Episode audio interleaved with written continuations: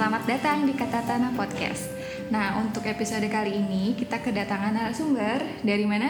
Dari Seribu Kebun. Ya, dari Komunitas Seribu Kebun sebagai co-foundernya yaitu Raden Galih Raditya. Halo Gali. Halo. Gimana Nice to kabarnya? meet you. Alhamdulillah baik. Alhamdulillah baik. Ya. Ya, em, sebelum kita mm, diskusi tentang urban farming dan pertanian organik, mungkin bisa Hmm. diceritain dulu em, Galih sibuk apa, terus di komunitas Seribu Kebun tuh ngapain aja sih gitu. Oke. Kalau sekarang sih secara pribadi aku petani organik. Petani organik di Dagogiri sama ada beberapa lahan juga Dagogiri dan satu lagi di Awiligar. Kita baru kerjasama sama sekolah namanya Runika Waldorf. Jadi dia punya lahan kosong, nah itu kita kebunin. Kalau di komunitas sendiri, aku sekarang menjabat sebagai ketua komunitas. Dan sebenarnya kegiatannya sih ada empat atau tiga ya, empat kegiatan utama sebenarnya. Yang pertama tuh kita ada Dion, Dion itu diskusi online. Yang kedua itu kita ada ngeruk namanya, ngeruk itu singkatan dari ngebon seruyu. Gitu. Oh. Jadi singkatan gitu. Itu tuh bahasa Sunda juga ya kalau ngeruk tuh ya. Iya bahasa Sunda. Gali kan artinya ya berarti ya. ngeruk Gali gitulah gali tanah gitu gitu Iya. ngeruk itu teh isinya ya belajar berkebun Mm-hmm. entah knowledge sharing mengenai berkebun mengenai hal-hal yang berkaitan dengan gaya hidup sehat ngeruk teh Mm-hmm. terus yang ketiga ada pasar sehat eh sorry ada wisata kebun. Jadi kita biasanya suka main ke kebun-kebun yang ada di komunitas kebun. Kan ada petani membernya. Nah kita datang ke kebunnya gitu sekalian lihat dan bersosialisasi. Terus yang keempat ada pasar sehat Kebun. Itu yang rutin tiga bulan sekali tapi ada yang setahun sekali juga. Gitu Hmm, pasar sehat oke. jadi begitulah gitu, Kalau yang sehat. tadi diskusi online dan nguruk itu bisa dibuka untuk umum dong. Jadi teman-teman pada bisa ikut atau tahu tuh terbatas nih. oh itu mah sebenarnya umum sih. Umum ya. siapa Semuanya aja bisa umum berarti ya? iya umum Program itu ya? program itu umum semua. Jadi biasanya kita suka berkoar-koar tuh di sosmed. Di sosmed berkoar-koar Nah, kalau ada program ini kita promosiin di sosmed eh, publikasikan di sosmed. Jadi orang bisa lihat bisa akses dan bisa join aja siapa aja boleh. Nama sosmednya apa? Biar sekalian? sosmednya tuh komunitas ibu kebun. Instagram, Twitter, Instagram. Kita aktifnya di Instagram sih biasanya. Berarti info-info tuh ada di Instagram, Instagram semua. semua, ha, activity tentang seribu kebun sendiri itu ada di Instagram. Seru-seru ini komunitas Seribu Kebun udah berapa lama dan emang di Bandung doang atau gimana? Kita eh, baru lima tahun kayaknya sih, baru lima tahunan di. Lah. Terus- Berarti tahun 2014-an ya? Iya. Ya, 2014 akhir lah ya. Lupa juga tanggalnya. 2014 akhir lah. Itu emang kita mainly member kalau pengurus ya, pengurus itu ada di Bandung. Tapi kalau member sih tersebar lah di Indonesia, nggak hanya di Pulau Jawa, ada yang di Sumatera, di Maluku. Tapi itu udah Di kerjasama nggak sih sama Bandung berkebun misalnya? Oh, belum sih selama ini. Emang ber- berarti misah aja Seribu Kebun Iya. sama Bandung berkebun. Iya gitu ya, belum ada kesempatan untuk kolaborasi. Oh, kolaborasi belum ada. Tapi aku dulu sempat aktif Bandung berkebun. Oh dulu tuh Ya dulu tuh berapa lama ya? Cukup ya sebentar sih aktifnya. Aktif Bandung berkebun. Eh, tapi selama ini kita swadaya sendiri. Eh tapi kita kolaborasi juga dengan berbagai macam komunitas. Hmm. Kita sering kolaborasi itu sama komunitas organik Indonesia chapter Bandung, sama komunitas Sayu Hijau. Ada satu lagi ada dua NGO. Hmm. Sekarang kan sama NGO-nya itu sama PUPUK kita juga sering kolaborasi. Ya, kalau bikin acara-acara biasanya kita sering suka disupport. Terus sama AK3 sekarang. Iya. AK3 bikin program namanya Let's Be Young Farmers itu. Gitu. Sip Nah, apa- hal apa sih yang ngebikin Gali sendiri terjun ke dunia pertanian? Iya, karena aku dapat bocoran ternyata Gali itu anak hukum loh. Jadi Iya, benar, kenapa tiba-tiba bisa ini? Sebenarnya kalau kalau ke tanaman itu sebenarnya seneng ke tanaman teh. Karena pengaruh kakek juga kan, pengaruh kakek juga di pertanian. Lu rektor pertanian juga. Terus sempat jadi inspektur pertanian tingkat provinsi untuk Kadin-Kadin itu Aki. Terus yang mendirikan SPMA juga. SPMA tuh SPMA tuh kayak SMK ya. Sekolah SMA, pertanian Sekolah gitu ya? tapi sekolah pertanian SPMA di Tanjung Sari. Oh ini Tanjung Sari. Tanjung Sari. Oh, Nah, masih ada nggak tuh sekarang? masih ada Masih aktif? masih ada masih Oh. aktif nah dari situ tuh akhirnya sering ngobrol dikasih tahu gini gini akhirnya senang sama tanaman cuman kepikiran jadi profesi di petani sih Iya. sebenarnya pas masuk kuliah awal sebenarnya Pas masuk kuliah awal. kuliah semester awal itu kepikiran oh kayaknya kalau ngebon seru juga nih gitu Oke. nah, dan alasan kenapa aku pengen terjun ke organik juga sebenarnya ada personal experience juga gitu karena aku sebenarnya pernah dua tahun tuh konvensional Mhm. Jadi bertani biasa gitu ya, biasa seperti pestisida, pakai pupuk sintetis gitu kan.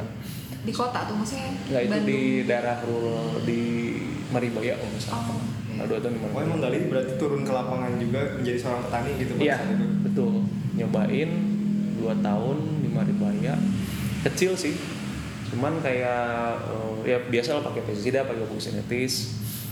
Tapi kayak kelihatan tuh kok banyak rusaknya gitu daripada Mhm. bagusnya teh gitu kan di situ teh.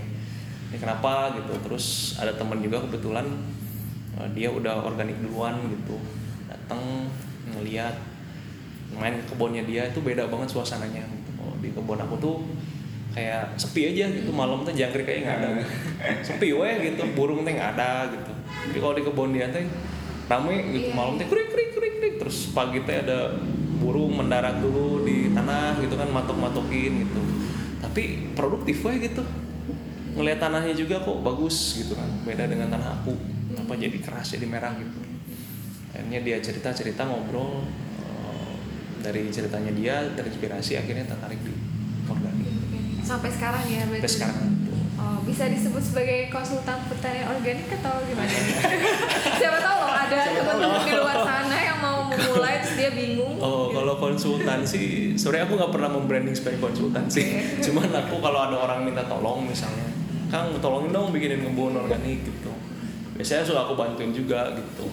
Bantu desain, bantu bikin SOP-nya, bantu manajemen kebunnya seperti apa gitu. Itu aku bantuin, aku bikinin gitu buat mereka. Hmm. Gitu. Itu luasnya berapa waktu kemarin?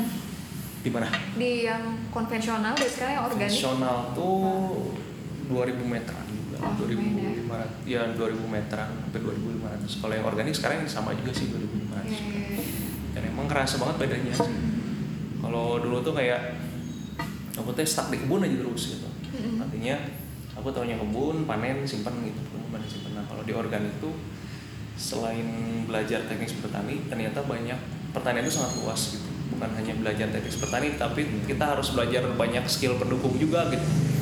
Ya jadi petani kalau kita hanya tahu satu jalur tuh kadang kalau lagi turun jalurnya teh suka merugikan. Kayak misalnya saya jual misalnya jual ke pengumpul misalnya pengumpul kebetulan harga saya nanam tomat kebetulan harga tomat lagi jatuh nih 800 Iya. sekarang gitu. dan mau bingung mau dikemanain kan karena saya hanya tahu nanam doang gitu. tapi setelah di organik tuh belajar sama teman-teman banyak ngobrol itu ternyata jadi petani itu nggak ha- hanya nggak harus hanya tahu teknis doang tapi kita harus tahu dari segi pemasaran harus tahu segi administrasi kita harus rapi tentang keuangan juga dan harus tahu apa ilmu yang mendukung pertanian juga kayak saya juga akhirnya harus belajar biologis lagi gitu kan baca buku lagi biologi baca buku mikrobiologi baca buku biochemistry juga akhirnya belajar belajar gimana cara tapi ya se- seporsinya tuh ya yang memang aku butuhkan aja dalam praktek pertanian gitu Seru banget sih. Nah, Mm-mm. ini kan tadi Gali cerita eh, bertanam di kota lah ya, bisa Ya. dibilang di kota dan Gali juga sebagai pemuda kota gitu. Mm. Nah, eh, mungkin bisa apa ya kita bahas soal kalau menurut Gali ngelihat urban farming sendiri itu gimana sih? Apakah bisa memenuhi pangan sekota atau minimal di lingkungan Satu kita dulu deh gitu ya?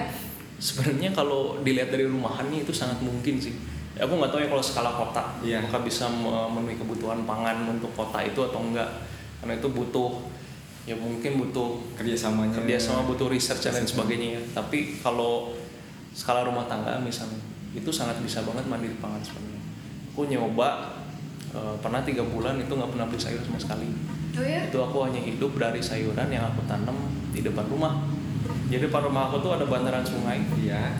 Lebarnya tuh ada 4 meter kali ya atau 3 meter atau 4 meter itu lebarnya. Itu panjangnya eh, itu sebenarnya panjang banget. Cuman aku hanya ngolah yang di depan rumah aku doang gitu.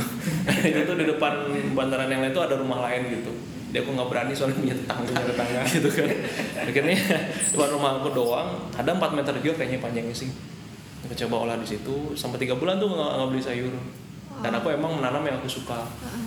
Aku dari situ ternyata bisa. Tapi memang istilahnya harus perlu effort lebih dan kalau memang harus ada orang yang mengerjakan secara rutin soalnya kalau bertanam tuh Eh, nanam mah gampang Iya. tapi ngerawatnya, itu ya. butuh eh, ketekunan sih. gitu aku pernah nyoba gitu memang akhirnya kalau di sekitar aku tuh karena mereka banyaknya bekerja Hmm.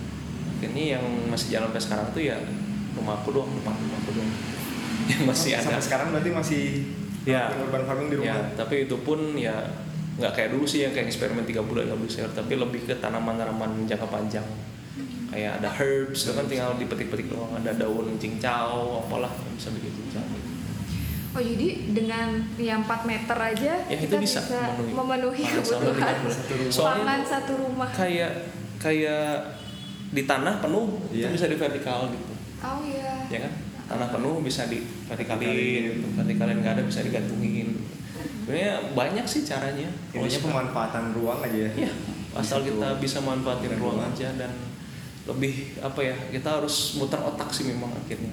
Dan sebenarnya nggak sulit juga kan ya. Ria? Ya kok nggak. Asalkan emang nggak usah terlalu mikirin teknis, yang penting jalan dulu aja. Betul, ya betul. Saya juga dulu sama tetangga teh dianggap aneh juga. Oh iya. Gak diajakin ke tetangga. Iya, jadi dulu teh nggak ada nggak nggak booming kayak sekarang gitu ya. Oke, sekarang iya kan urban farming gitu. Kalau dulu teh mana ada gitu yang orang nanam sayur di depan rumah. Biasanya hanya taman doang gitu kan. Aku tuh berdua sama bapak bapakku itu ada anak sungai, macul aja. Itu orang lewatnya ngeliatin dengan tatapan aneh teh. Ah, gitu ngapain macul-macul gitu kan. Ya cuek aja gitu, macul-macul, belajar macul. Akhirnya tumbuh pas mau panen tetangga ngeliat eh ternyata bisa nanam pakcoy teh di dia oh, ternyata bisa nanam tomat ternyata bisa ini kayak panen ya karena kita suka berlebih panennya bagi-bagi Ke tetangga. tetangga gitu. Kayaknya mereka pengen bikin juga, tapi ya itu tadi mau bikin eh, karena nggak ada waktu untuk merawat. Pernah minta kita untuk merawat juga, cuman kita nggak sanggup. Soalnya itu malah 4 meter aja tuh eh, eh, cukup apa melelahkan sih, Melelahkan. capek juga karena harus maju dan sebagainya. Iya. Nah keresahan apa sih yang sebenarnya kalian rasain ketika memang harus melakukan urban farming di rumah selain dari ketersediaan si tanamannya? Hmm. Seurgen apa Eh, gitu? seurgen apa? Atau Sebenarnya ya cerita. itu kita juga eksperimen dari sisi waste. Mhm. limbah aku teh di lahan itu tuh bukan hanya bertanam aja tapi ada jadi itu tuh sebenarnya lahan buat aku ngacak-ngacak gitu kayak nyoba-nyoba Nyoba. hal-hal baru ya? eksperimen aku tuh miara kan waktu itu sempat ada booming kasing kasing kasing kan? Ah iya. vermicompost itu yang kotoran cacing Iya. itu bagus buat tanaman subur. Coba bikin sendiri beli aja. Kontainer plastik itu ya. Kontainer plastik. Yang 60 kali 40 kayaknya tingginya 30 cm Iya. ya kontainer plastik kotak itu. Aku bolong-bolongin jadiin kandang cacing. Cacing. Nah, aku tuh ya karena nggak punya guru waktu itu teh nggak ada referensi akhirnya Atau banyak didak dong ya? otodidak aja gitu otodidak terus banyaknya referensi dari Google. Iya. Google gitu lihat video YouTube oh ini gini. Dan aku cobain cobain. Ternyata sampah aku itu setiap hari itu ludes sama si cacing. Hmm. itu kayak punya kotak gitu doang. Mhm. aku isi aku bi- kasih bedding. Cacing kan perlu bedding ya. Bedding itu tempat mereka untuk hidup gitu. Mhm. kasih bedding kasih cacingnya. Tunggu dua minggu sampai beddingnya dimakan sama mereka kasih sampah setiap hari itu sampahnya sampah organik sampah organik Oh yang organik ya. sampah organik Kita harus milah juga dulu ya Hmm. dari rumah. ya itu tuh dulu belum aku belum sempet milah juga Oh gitu. jadi sebenarnya tujuannya mau nyoba ya. casing doang Nyoba casing doang gitu Mbak casing itu tuh sampahnya nggak aku organiknya pun nggak aku bisa yang mentah dan yang matang tuh aku campur adukin semua Langsung aja masukin ke situ. masukin semua ternyata sehari habis sehari habis sehari habis Wow. jadi aku pikir kayaknya kalau satu rumah punya kandang cacing ya satu Hmm. kayaknya Iya. sampah organik nggak akan keluar dari rumah Iya, sebenarnya nggak harus ke TPA Gak usah. terus dan miara cacing tuh simple banget Mhm. yang penting di tempat teduh Hmm.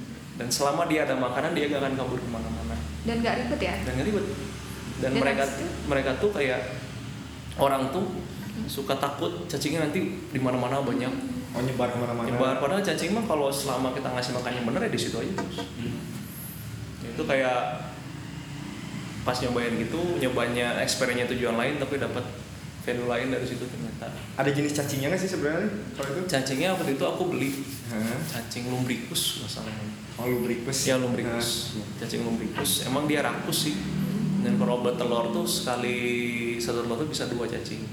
Nah ini ada mitos juga sebenarnya. Jadi orang tuh takut kalau ke tanah itu suka masuk telur cacing. Ah, Sekarang iya. lihat aja lu berikus telurnya segede gini gitu. Iya. Gimana caranya masuk ke pori-pori? Jadi nggak perlu khawatir ya. Itu khawatir sebenarnya. Iya. Cacing tuh harmless, harmless, Iya, harmless oke. banget. Dan itu malah membantu kita banget itu cacing. Iya dan produknya bisa dipakai buat Iya, pupuk ya. betul. Di Kasing kebun. itu aku pakai buat nanam. Biasanya aku pakai buat nyemai karena kan sedikit jumlahnya dan itu bagus banget.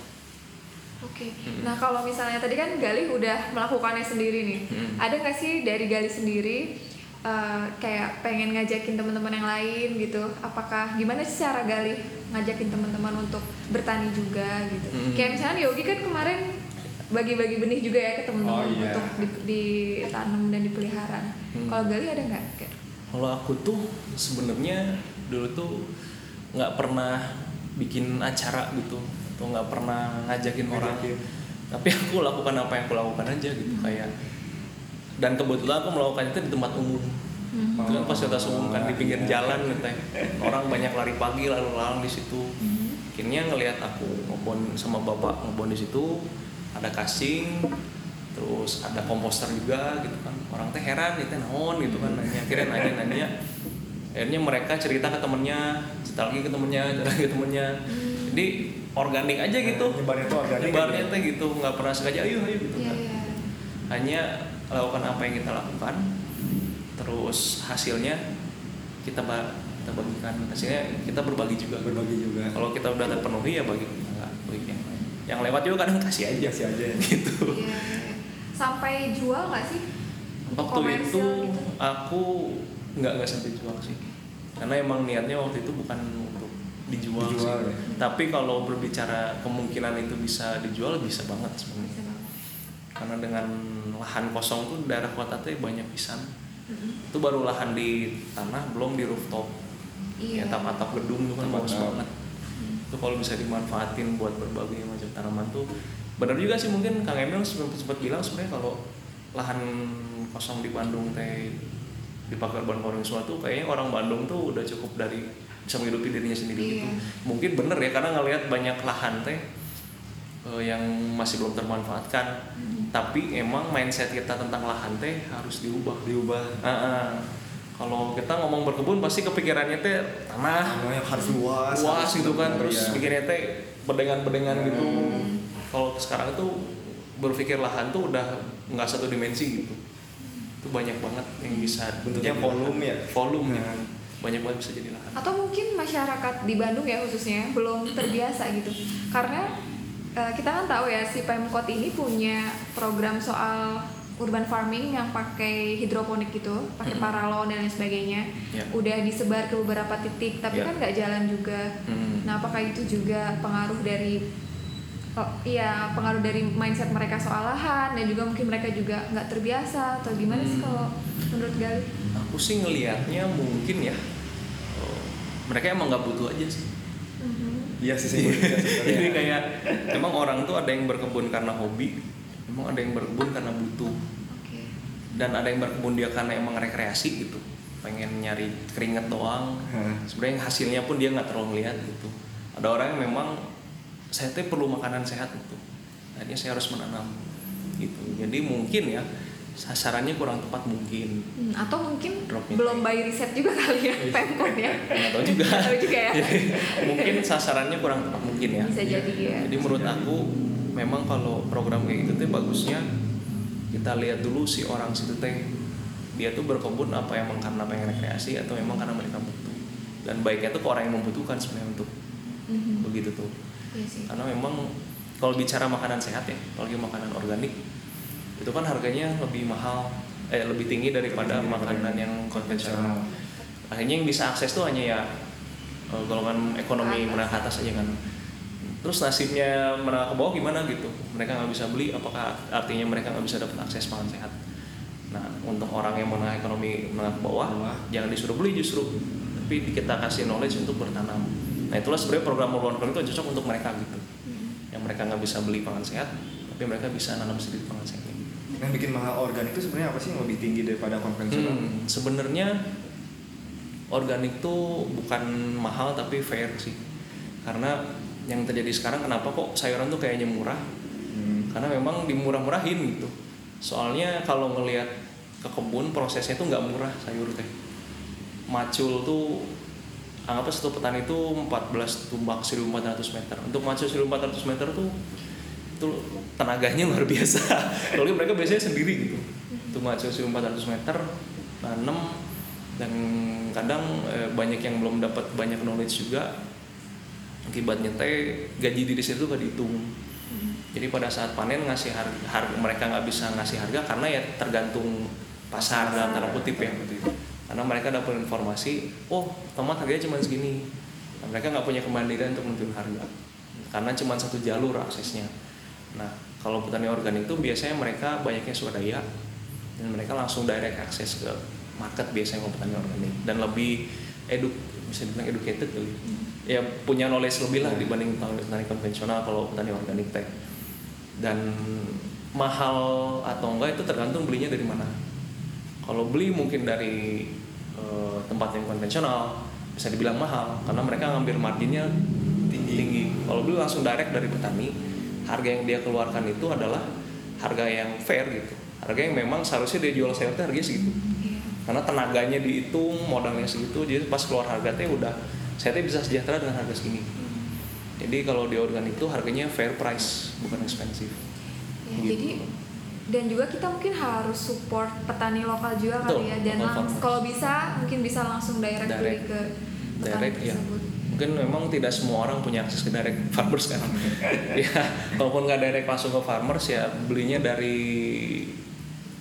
distributor atau marketplace yang memang Fair. ada value fair Iya. trade-nya juga gitu karena ada juga marketplace yang nggak fair juga Iya. gitu kayak Meskipun resi- organik. meskipun organik Hmm. kayak petani udah capek nanam terus pas dijual teh ternyata nggak semuanya dibeli sistemnya titip jual gitu kan ya buat yang dibayar tuh cuma yang laku doang sisanya ke mana ya udah layu nggak mungkin diambil lagi kalau ngambil lagi kan harus bayar transport lagi Hmm. udah diolah akhirnya kebuang Nah kan kalau misalnya si organik sendiri dari secara bentuk fisik juga nggak terlihat sebagus kayak konvensional. Betul. Mungkin orang-orang jadi nggak tertarik juga kan? ya memang eh, kalau ngejual produk seperti ini tuh ya kita bicara jualannya Hmm.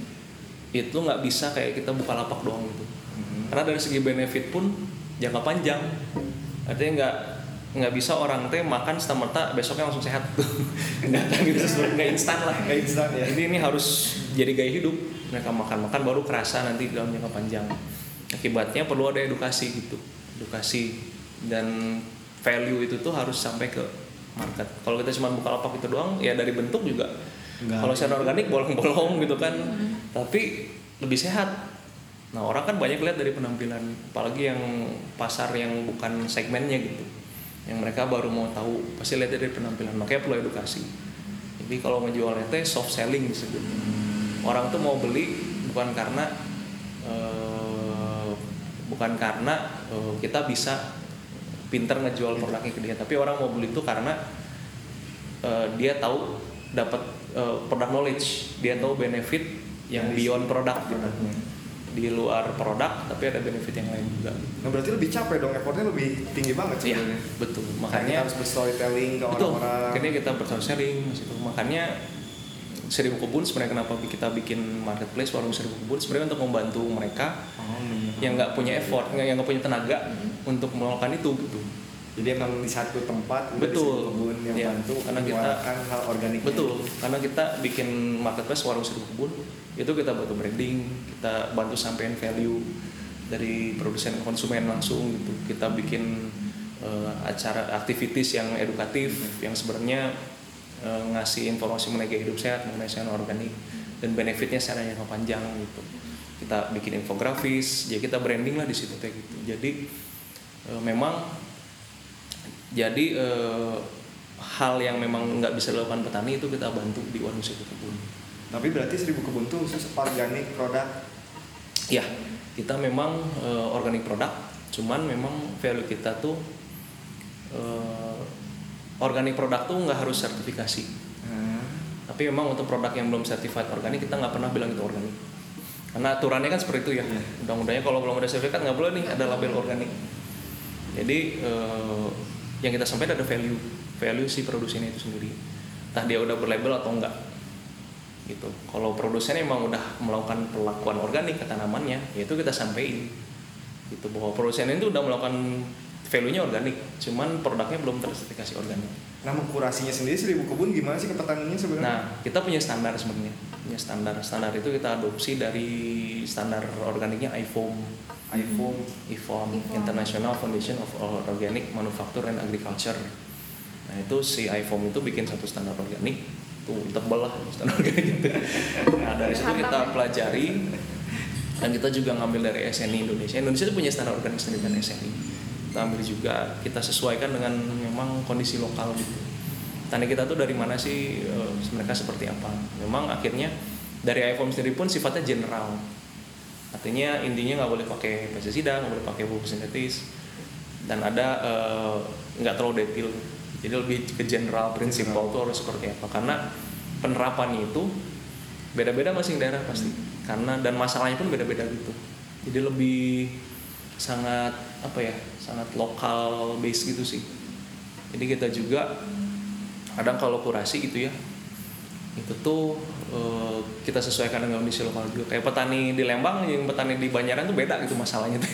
Kalau petani di Lembang mungkin dapat kohe sapinya gampang tapi kohe ayam susah gitu. Nah, kalau di Banjaran kohe ayamnya gampang kohe sapinya susah gitu kan. Kalau di standar organik kan nggak boleh pakai kotoran ayam kan. Nah, cuman ya karena di sana adanya kotoran ayam, ya dengan proses tertentu dulu nggak bisa mentah. Harus dikompos dulu. Dengan komposting kan tuh memanas tuh bisa membunuh patogen dan sebagainya. Nah, baru bisa diaplikasi. Jadi emang eh, di kita mah bukan commodity base.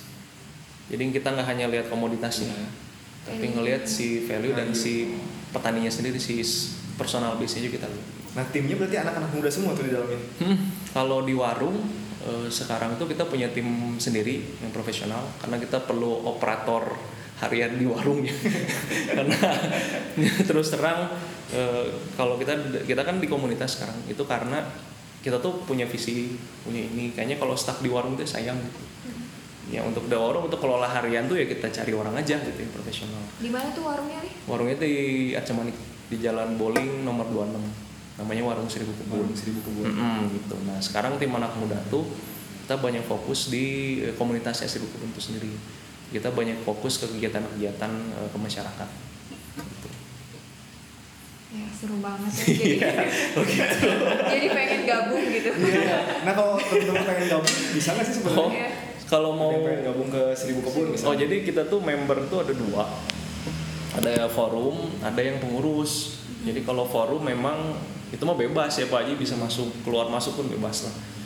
Eh, Dan kalau pengurus memang ada requirement sendiri karena ya ada interview dulu, ada step-stepnya lah gitu. Kenapa dia mau masuk komunitas dan lain sebagainya. Karena kan kalau pengurus mah ya ya strategical position kan gitu, yang menentukan si komunitas teh mau ngadain apa, mau ke mana. Jadi ada proses penyaringan yang lebih ketat. Beda kalau anggota forum sih ya bebas ya Pak aja masuk Ikut aja gitu ya. Dan nggak harus yang ngerti bertanam sih. Jadi nggak usah malu kalau di forum komunitas mah karena nggak semuanya itu jago bertanam. Justru tujuan kita tuh itu kita nggak mau yang masuknya hanya yang yang jago jago bertanam tahu bertanam doang. bertanam. Tapi orang yang mau belajar pun bisa. Karena kalau kita eksklusif, saya untuk hobi hobi tanaman doang gitu. Itu unsur edukasinya di mana gitu maksudnya. Gitu kan. Dan sekarang kayaknya udah menjamur juga ya lumayan ya si urban ya alhamdulillah sih sekarang kita juga nggak nyangka sebenarnya bisa jadi banyak gitu yang ikut member forumnya. Karena dulu tuh kita nggak pernah sengaja publikasi nggak pernah sengaja apa gitu. Ya itu organik aja. Iya. kita value nya organik nyebarnya pun organik gitu. Jadi dari, dari word of mouth aja gitu. Iya. nggak pernah bikin publikasi di radio nggak pernah bikin apa bikin apa bikin acara apa ngundang orang nggak pernah. Jadi kita lakukan apa yang kita lakukan. Sesuai dengan values sesuai dengan substance.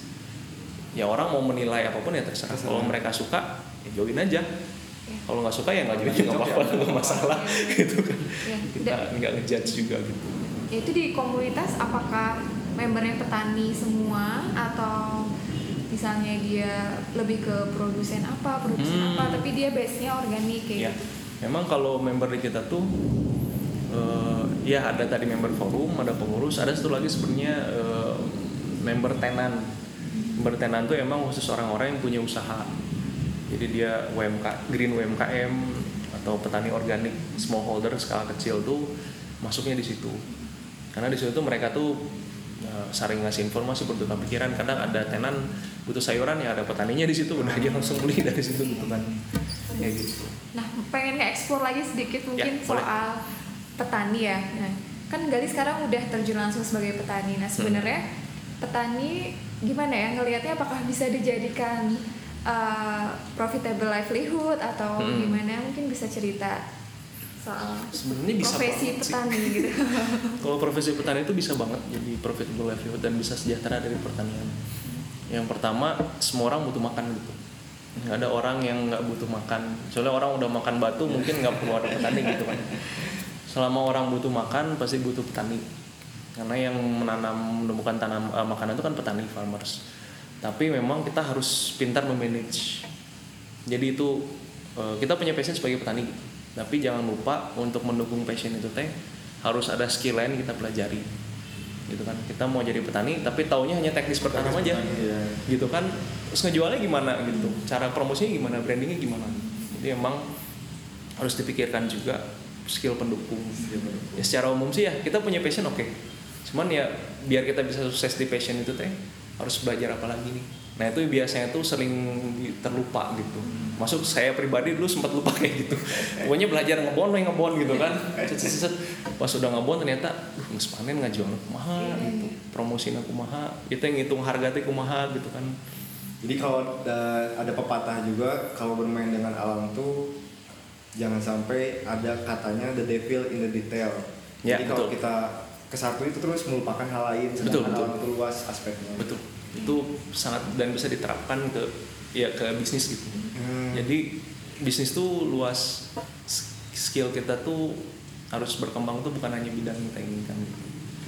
Orang helikopter ya. Iya, dia emang ngelihatnya dari atas dari helikopter Dari atas. bener. Helikopter gitu. Oh, ternyata mau ngejual teh harus kita punya skill ini gitu. Harus networking juga. Networking juga gitu kan. Dan biasanya petani teh nggak ada waktu untuk seperti itu. Hmm, Iya. Biasanya Habis mereka sibuk habis di lapangan. Ya macul aja capeknya luar Capek, biasa ya. loh. Apalagi harus ke kota nyari pasar itu nggak mungkin. Makanya marketplace kayak warung seribu kebun Iya. sebenarnya itu bisa sangat membantu.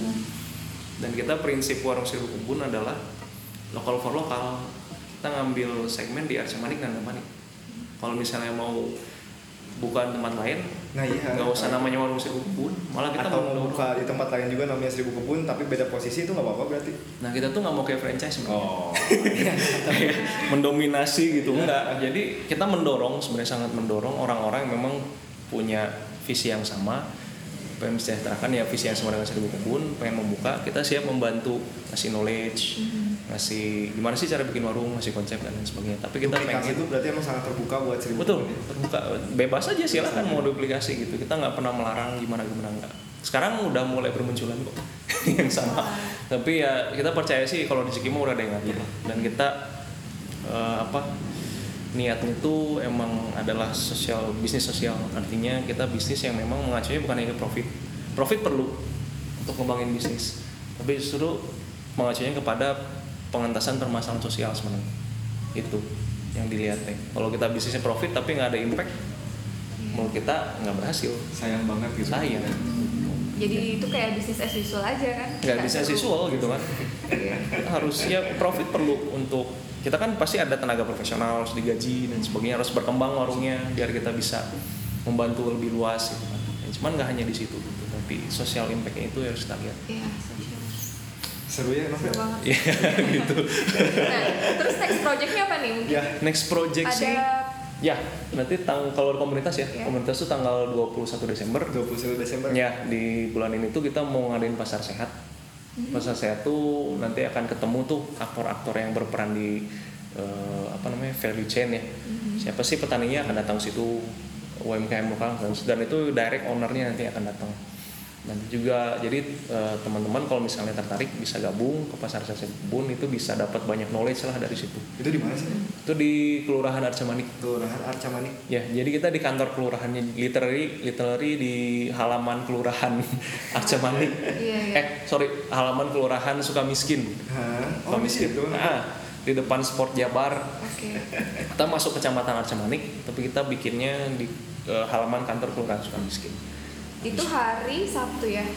Itu hari Sabtu, ya, Sabtu. Sabtu. Jadi habis olahraga teman-teman di Sport Jabar Iya, bisa langsung bisa langsung ke situ. pasar sehat dan Iya. bisa nanya-nanya juga Ya, kan tentang bisa komunitas. langsung nanya. Jadi Bisa kita langsung ketemu Gali. harus owner yang datang, datang langsung. Dan biasanya budaya kita di pasar sehat tuh owner harus mau menjelaskan value product beyond the product. Artinya nggak cuman komoditinya doang, ini ingredientsnya apa gitu. Itu mah bisa dilihat di brosur. Mhm. Tapi alasan kenapa dia bikin produk ini yang harus tahu kayak gitu sih orang itu. Penyampaian rasa. Penyampaian, ya penyampaian rasa, betul penyampaian rasa lah. Itu yang orang tuh harus tahu. gitu. Iya. Seru lah nanti di pasar sehat kita juga mau mengapresiasi gerakan hijau di kelurahan Arca- eh, kelurahan Sukamiskin juga kan banyak tuh gerakan hijau Iya. mau kita kumpulin mereka akan display prestasinya masing-masing ada exhibition juga exhibition mengenai green movement ada green technology Eh, banyak lah di situ ada stand komunitas juga nanti ada klinik berkebun Ah, iya. Seru ya. Oh ada Iya. ya, workshop juga ya? workshop juga ada kita ada ya? workshop ada workshop berkebun Eh, berkebunnya itu bisa diterapin di urban ataupun di rural ada workshop eh, apa eat the rainbow judulnya. Eat the rainbow tuh sebenarnya di piring kita tuh harus ada warna apa aja sih. Gitu. Ya, tapi itu eh, yang ngebawain nanti serasa salad namanya. Itu olahannya raw raw food. Oh, serasa. ya serasa salad. Tau kan? Dan salad. Nanti ada ahli gizi juga yang akan membantu menjelaskan dari segi nutrisinya. Terus ada eh, workshop dari Plasta Valbank itu bank sampah. Itu yang ngelola itu dua orang anak muda Plasta Valbank itu nanti akan sharing di workshop terus mengenai eh, sabun alami dari larak itu gimana cara bikinnya itu bisa buat apa aja segala sesuatu yang pengen diketahui tentang larak tuh bisa nanya nanti ke situ. Berarti kita harus ke sana no. Iya nih. Iya, ramai sana. juga ya. Kita Oh, bisa iya, ketemu ada, di ada sana. flea market juga Kenapa? ada flea market Oh iya tuh.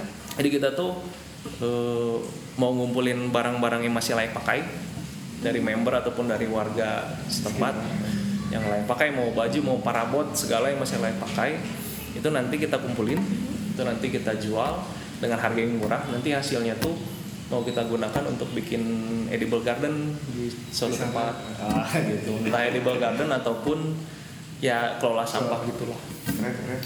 Untuk edible garden kita bisa di episode lain ya. Iya. Karena pasti bakal panjang banget juga. kalau panjang lebar lagi. Nah mungkin sekian dulu ya. teman-teman dari kata tanah